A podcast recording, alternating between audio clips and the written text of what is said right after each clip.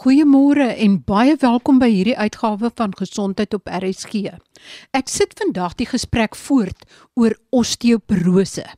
En ek gesels met professor Magda Konradi, mede-professor in endokrinologie aan die Geneeskunde Fakulteit van die Universiteit van Stellenbosch en die Tygerberg Hospitaal. Vandag fokus ons op die praktiese deel van medikasie en ons kyk veral na die infusie, die eenmal 'n jaar binneaardse medikasie wat jy kry en dan kyk ons ook na die Frax formule wat jy self by die huis kan gebruik om te bepaal of jou risiko om 'n been te breek as gevolg van osteoporose verhoog is.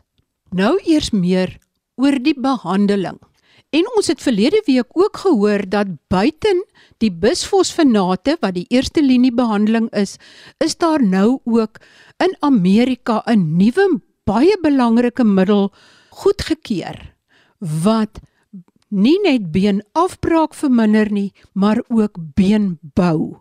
En ons hoop hy sal binnekort na Suid-Afrika toe kom. Dan wil ek spesifiek vra oor die infusies wat jy sê maar eenmal 'n jaar kry. Hoe kan jy 'n middel gee wat 'n jaar lank kan werk? So bisfosfonate is 'n interessante groep middels want bisfosfonate of jy dit nou oraal of in inspuitbare vorm inneem, gaan omtrent uitsluitlik na die beenstruktuur toe. En dit word dan in die beenstruktuur geïnkorporeer en het 'n lang retensieperiode in die been. So soos wat die prosesse van beenformasie en resorpsie plaasvind, so word daai medikasie gedurig deur ontbloot en het dit dan weer 'n uh, effek om dan jou beenstruktuur soos ek sê te stabiliseer en oormatige beenafbraak te beperk. So bisfosfonate het 'n lang skeletale retensie en as gevolg daarvan het dit 'n langdurige effek op die skelet. Orale bisfosfonate is effektief en is in staat om jou beenmassa te verhoog en jou fraktuurrisiko te verlaag. Die dilemma met bisfosfonaat met orale terapie is dat dit word baie swak geabsorbeer uit die darmkanale uit.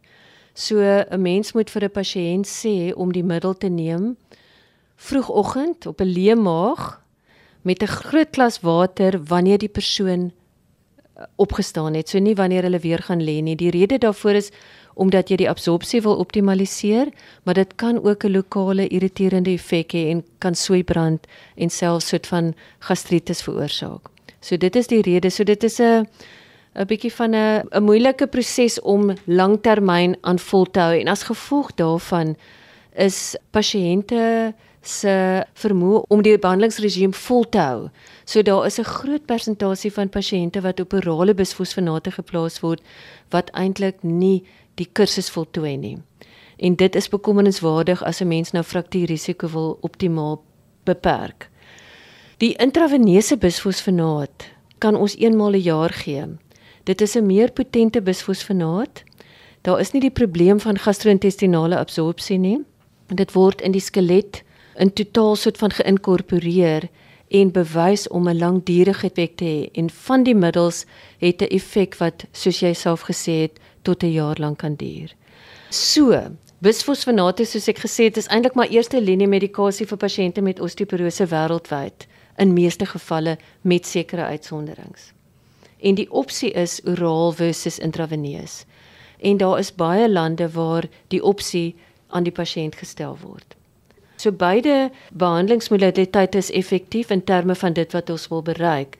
Dit is net vir party pasiënte en veral vir jou ouer pasiënt amper makliker om een keer 'n jaar die algemene praktisyn te sien of die internis wat verantwoordelik is vir die pasiënt of die endokrinoloog medikasie te neem en dan te weet vir die jaar wat voorlê is my beenstruktuur beskerm en my fraktuurrisiko ingeperk. Kan jy net ietsie meer sê oor die infusiemiddels? Is dit die bisfosfonate? Is dit Aclasta of het dit nog ander name ook? Die bisfosfonaat wat ons in 'n intraveneuse formaat gebruik is Zolendronaat of ook Zoledronic acid en daar is 'n verskeidenheid van handelsname en die infusiesterkte wissel tussen 4 en 5 mg. Die middel wat getoets is in die veld van osteoporose is die 5 mg wat plaaslik beskikbaar is as Eclasta. Maar die 4 mg intraveneuse preparate is die alternatief veral wanneer daar 'n um, beperkte befondsing is omdat dit 'n bietjie aan die goedkoper kant is. So of jy die 4 of die 5 mg gebruik, die ideaal is die 5 mg. Die 4 mg is 'n baie effektiewe alternatief wat ook oorweeg kan word. En net van die infusies gepraat, mens sal wonder is daar enige soort van nadele, is daar enige iets wat mens moet bekommerd wees oor die gebruik van die infusies? Uh nommer 1 is Ons werk met 'n ouer populasie baie maal wanneer ons osteoporose behandeling aanbied, so dis belangrik dat mens nierfunksie evalueer. Dis ook belangrik om seker te maak dat daar nie 'n laag kalsium is byvoorbeeld vooraf tot hierdie infusies nie. En dit is maar van die basiese soort van biochemiese ondersoeke wat ons vir die pasiënt sal aanbied voordat ons 'n infusie oorweeg. En bisfosfonate word geïnkorporeer in die skelet en verminder beenafbraak, maar in die proses verstadig dit ook die beenprosesse. So ons wil nie 'n pasiënt oormatig en vir verlengde periode van tyd behandel as dit nie aangedui is nie. En vir daai rede, as ons van die intraveneuse preparaat gebruik maak, re-evalueer ons die nodigheid vir langdurige gebruik. Dit hang af van organisasie tot organisasie, maar tussen 3 en 6 jaar maak 'n mens weer 'n besluit of volgehoue behandeling aangedui is al dan nie om net te voorkom dat ons die beenstruktuur oormatig onderdruk en dan ander baie rare probleme veroorsaak. Kan dit ook vir mense gegee word wat ouer is of moet hierdie medikasie net gegee word vir mense in die beenbou stadium? As iemand sê nee wat die pasiënt is al te oud.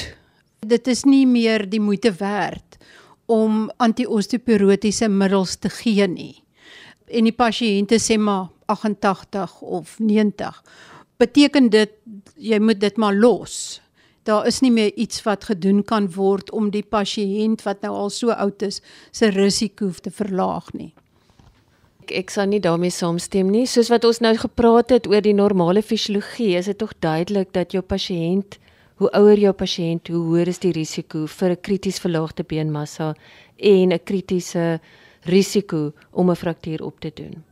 En die laaste ding wat jy wil hê is om 'n onafhanklike 88-jarige nie te beskerm eh, in terme van fraktuurrisiko nie en haar osteoporose te behandel nie en sy eindig op met 'n heupfraktuur. En ons weet dat op daai ouderdom is daar betekenisvolle mortaliteit binne die eerste jaar na heupfraktuur.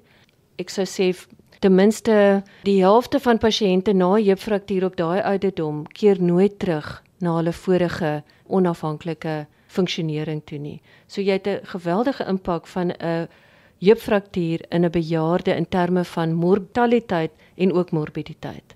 Vir daai rede dink ek nie ouderdom behoort in isolasie ooit beskou te word as 'n kontra-indikasie om 'n pasiënt te beskerm nie. Inteendeel. Ek sou dink dat jou drempel om 'n pasiënt te beskerm word toenemend soos wat 'n pasiënt ouer word. En vir al jou gesonde, onafhanklike, funksionerende individu, dit is wat jy wil behou. En dit is regtig hartverskeurende as so 'n pasiënt onnodiglik 'n fraktuur opdoen en jy ontneem die pasiënt sy kwaliteit of haar kwaliteit van lewe. 'n Ouer pasiënt of 'n volwasse pasiënt wat 'n lae trauma fraktuur opdoen, behoort ondersoek te word vir 'n onderliggende beensiekte wat beensterkte affekteer waarvan osteoporose die algemeenste is. En wanneer ons te doen kry met lae trauma frakture van die heup, maar ook van die wervelkolom, is dit genoegsaam vir ons om te sê dat die pasiënt eintlik per definisie reeds osteoporose het en dat die pasiënt behandeling regverdig. As 'n pasiënt by 'n ortopeed presenteer met 'n lae trauma heupfraktuur, is daar onderliggende beensiekte. Die fraktuur moet herstel word en die ortopeed moet die pasiënt verwys vir verdere evaluasie van 'n onderliggende beensiekte want die heupfraktuur of die rugfraktuur is eintlik 'n simptoom van 'n onderliggende siekte wat nou ontmasker word. So dit is baie belangrik dat alle pasiënte met heupfrakture moet geëvalueer word vir onderliggende osteoporose. En die rede hoekom ons basiese ondersoeke doen is om net seker te maak dat ons met die mees waarskynlike metabooliese beensiekte in die vorm van osteoporose te doen het en dat daar nie ander iets anders minder gewoon is wat ook sy kop so uitsteek nie. Maar die belangrike ding is heupfraktuur gelykstaande aan 'n onderliggende metabooliese beensiekte met verminderde beensterkte waarvan osteoporose die algemeenste is. En dit is ongelukkig nie 'n praktyk wat deurgevoer word wêreldwyd nie. Dit word gesê dat tot 80% van pasiënte wat met 'n lae trauma fraktuur voordoen in volwasse lewe word nooit verder ondersoek vir die onderliggende rede nie. So 'n belangrike boodskap, lae trauma frakture in volwasse lewe beteken dis 'n simptoom van 'n onderliggende beensiekte wat aktief ondersoek en aangespreek moet word. En wanneer dit kom by heup en wervelfrakture is dit eintlik 'n indikasie op sy eie vir beenspesifieke beskerming. Professor Konradi, is daar enige voordeel in die gebruik van die bisfosfonaat infusies na 'n heupvervanging? sien julle enigsins dat die pasiënt dalk vinniger herstel? 'n Heupfraktuur, indien dit 'n lae trauma heupfraktuur is in 'n ouer pasiënt, beteken daar is 'n onderliggende siekte. En die onderliggende siekte is mees waarskynlik osteoporose. So wanneer 'n pasiënt met 'n heupfraktuur voordoen, moet die pasiënt behandel word. En dit is duidelik getoon in studies dat as ons 'n intraveneuse bisfosfonaat vir die pasiënt aanbied, binne 3 maande na die opdoen van die fraktuur dat dit 'n wesenlike impak het nie alleen op die risiko vir 'n verdere fraktuur of 'n sogenaamde sekondêre fraktuur nie maar dat dit die mortaliteit dit wil sê die sterfte van daai individu in die onmiddellike postheupfraktuur periode betekenisvol verminder.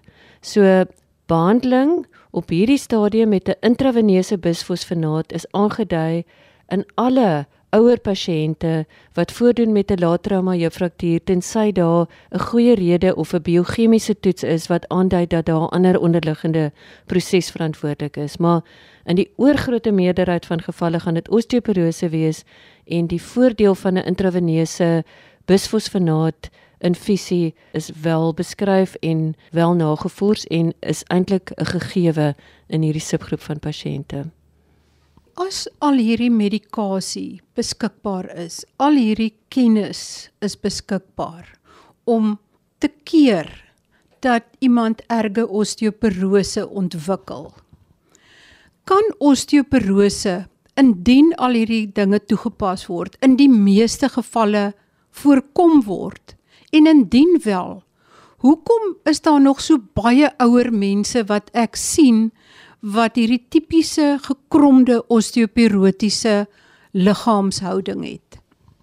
Osteoporose is by verre die algemeenste metabooliese beensiekte wêreldwyd. En dit is nie net eie aan Suid-Afrika die uh, kommentaar wat jy gemaak het nie. Die probleem met osteoporose soos met van ons ander kroniese lewenstylsiektes soos tipe 2 diabetes byvoorbeeld, dis 'n stil siekte totdat dit gekompliseer raak met 'n fraktuur. So vir 'n groot periode van tyd in 'n individu wat alreeds osteoporose het, is daar nie simptome wat 'n mens gaan waarsku nie.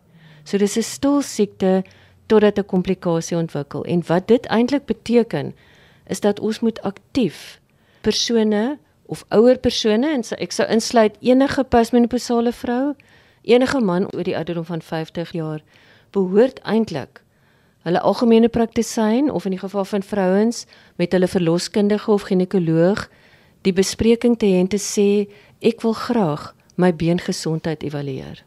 En dan 'n risiko in terme van frakture vas te stel en op grond daarvan te besluit tot watter mate as die pasiënt verder ondersoek en of behandeling aangedui is aan nie. En dit is 'n soort van primêre fraktuurvoorkoming.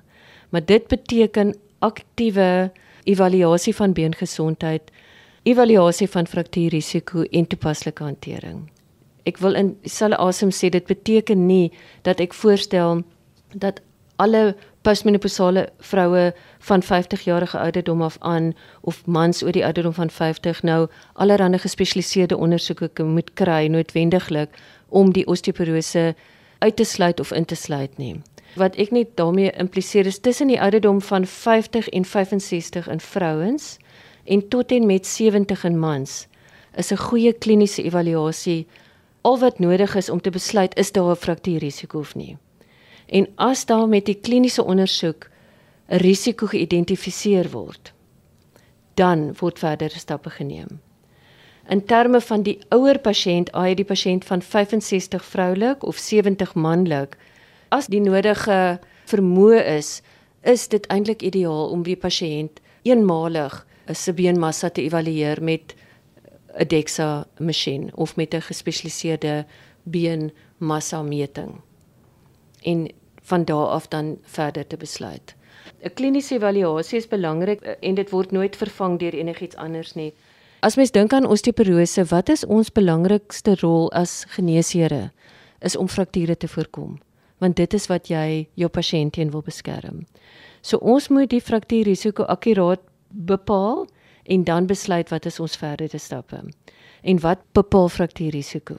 Dis die hoeveelheid been of die beenmassa, dis die kwaliteit van been en die derde belangrike aspek om in gedagte te hou is hierdie pasiënte verhoogde risiko om te val en 'n besering op te doen. Want soos wat mens ouer raak, dis die ander komponent wat jou risiko verhoog is 'n mens se natuurlike reflekse om jou te beskerm teen 'n val, is die risiko van 'n val omdat 'n mens se spiermassa afneem, is verhoog. En 'n mens fraktuur eintlik maar net as jy val in terme van heupe spesifiek. So dit is hierdie aspekte wat mens moet evalueer wanneer dit by 'n kliniese assessering kom. Ek gesels nou verder met professor Magda Konradi, mede-professor in endokrinologie aan die Universiteit van Stellenbosch se geneeskunde fakulteit en die Tygerberg Hospitaal. En dan het ons ook in die laaste 2, 3, 4 jaar het ons 'n nuwe toevoeging tot ons vermoë om fraktuurrisiko te beoordeel in die pasiënt in die vorm van wat ons noem 'n fraktuurrisiko assesseringsinstrument. In Engels staan dit bekend as 'n FRAX calculator of 'n frax instrument. En wat dit op neerkom is dat ons soort van 'n geïntegreerde evaluasie doen van 'n pasiënt se fraktuurrisiko. En dit sluit dan 'n verskeidenheid van risikofaktore in onder andere ouderdom, geslag, etnisiteit of daar familiegeskiedenis is of daar eksterne faktore is wat bydra soos byvoorbeeld rook, aktiewe rook, oormatige alkoholinname, is daar 'n siekteproses wat bydraend is. En dit kan gebruik word met of sonder DEXA beenmineraaldigtheid meting. En op grond daarvan uh, bepaal ons wat ons sê 'n korttermyn of 'n 10 jaar fraktuurrisiko. En hierdie fraktuurrisiko is vir 'n kombinasie van major osteoporose frakture, ons sê dis MOF fracture percentage en dan ook heupfraktuurrisiko. En die berekening kan ons gebruik om te besluit is dit aangedui om die pasiënt te behandel al dan nie is daar 'n wesenlike betekenisvolle risiko om te fraktuur. En die idee is dat 'n beenmassa wat ons met die DEXA masjien meet, is 'n baie belangrike en 'n baie effektiewe manier om beensterkte te beoordeel, maar dit gaan nie al die pasiënte identifiseer nie. En waar ons dan nou weer terugkom na die 88-jarige wat 'n beenmassa het wat nie heeltemal osteoporoties is nie, maar verminder is.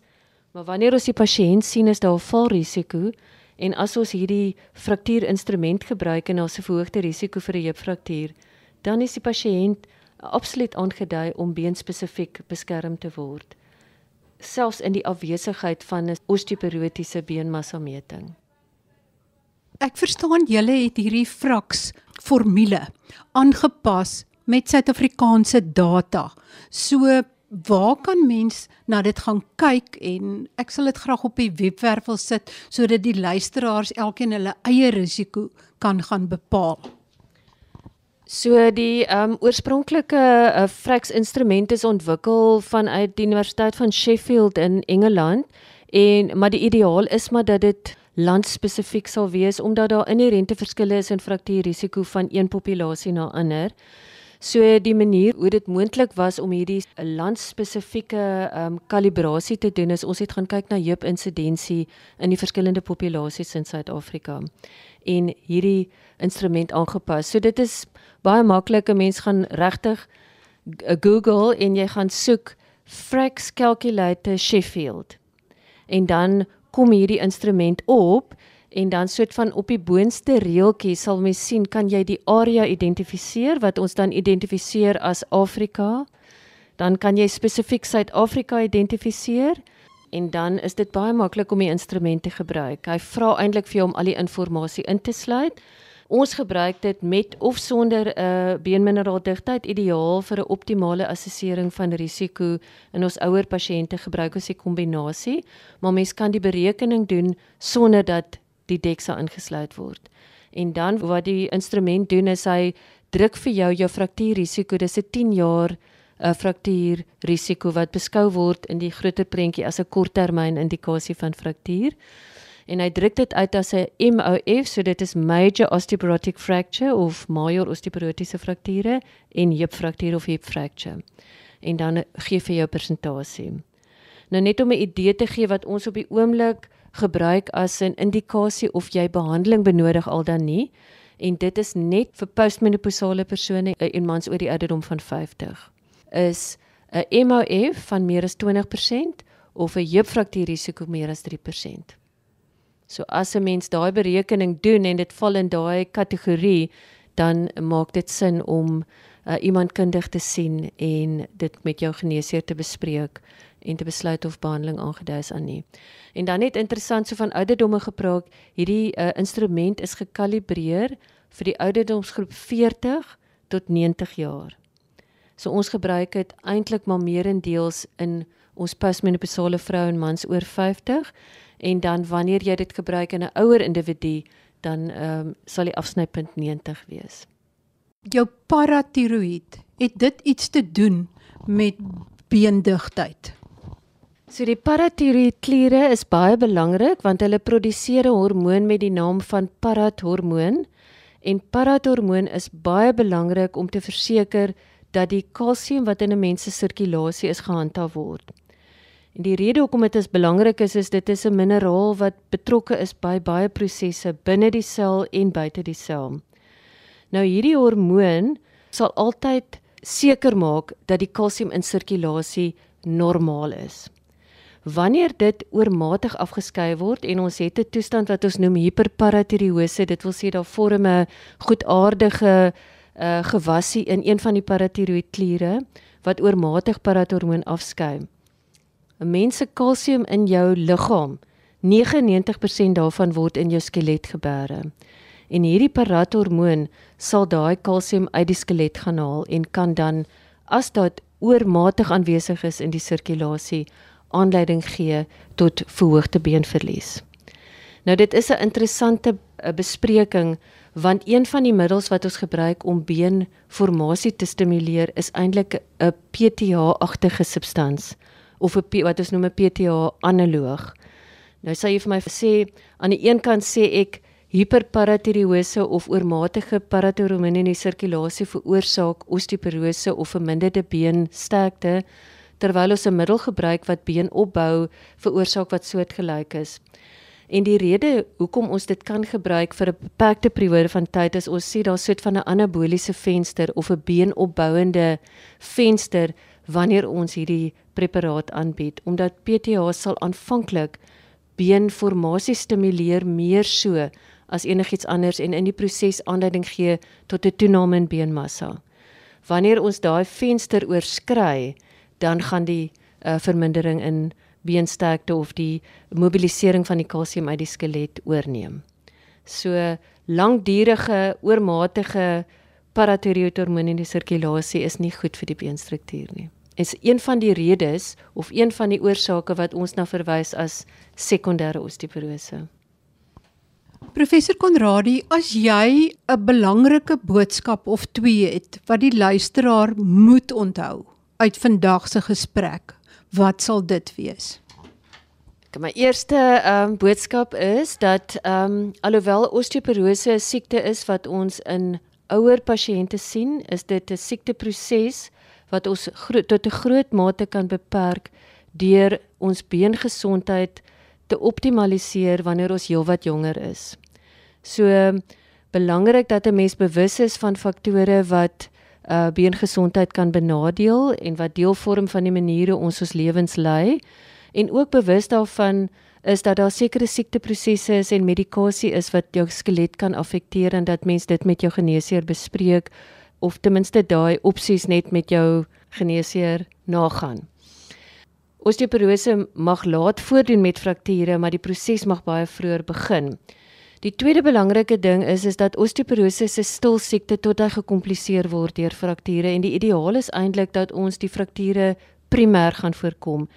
En die manier om dit te verseker is dat soos wat 'n mens ouer word met menige van mense soort van kroniese siektes dat 'n mens nie noodwendig gesprek het met jou geneesheer om 'n siekteproses te behandel nie, maar dat jy ook saam met jou geneesheer voorkomende medisyne verseker En daarom dink ek dat 'n beengesondheidsevaluasie in enige postmenopausale vrou of in 'n man oor die ouderdom van 50 jaar aangedui is.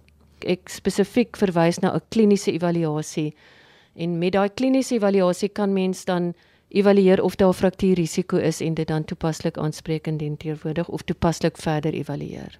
En dan die derde ding is dat as 'n persoon 'n lae trauma fraktuur in volwasse lewe opdoen, is die behandeling van die fraktuur nie net om die fraktuur te herstel nie, maar om bewus te wees daarvan dat dit 'n impliseer dat daar onderliggende siekteproses is, dat daar verminderde beensterkte is en dat dit evalueer moet word en behandel moet word indien aangedui. Baie dankie aan my gas professor Magda Konradi Mede-professor in endokrinologie aan die Universiteit van Stellenbosch se Geneeskunde fakulteit en die Tygerberg Hospitaal wat in die afgelope twee uitgawes vir ons baie belangrike inligting oor osteoporose gedeel het. Besoek gerus ons webwerf rsg.co.za. Onder topstories sal daar 'n artikel wees oor osteoporose. En daarin het ek die skakels van hoe jy moet maak om by die fraksformule uit te kom tot volgende week dan wanneer ek nuwe inligting bring oor die bevriesing van owe in vrugbaarheidsbehandeling en ook hoe die beste embrio's geselekteer word. Baie groete van my, Marie Hudson.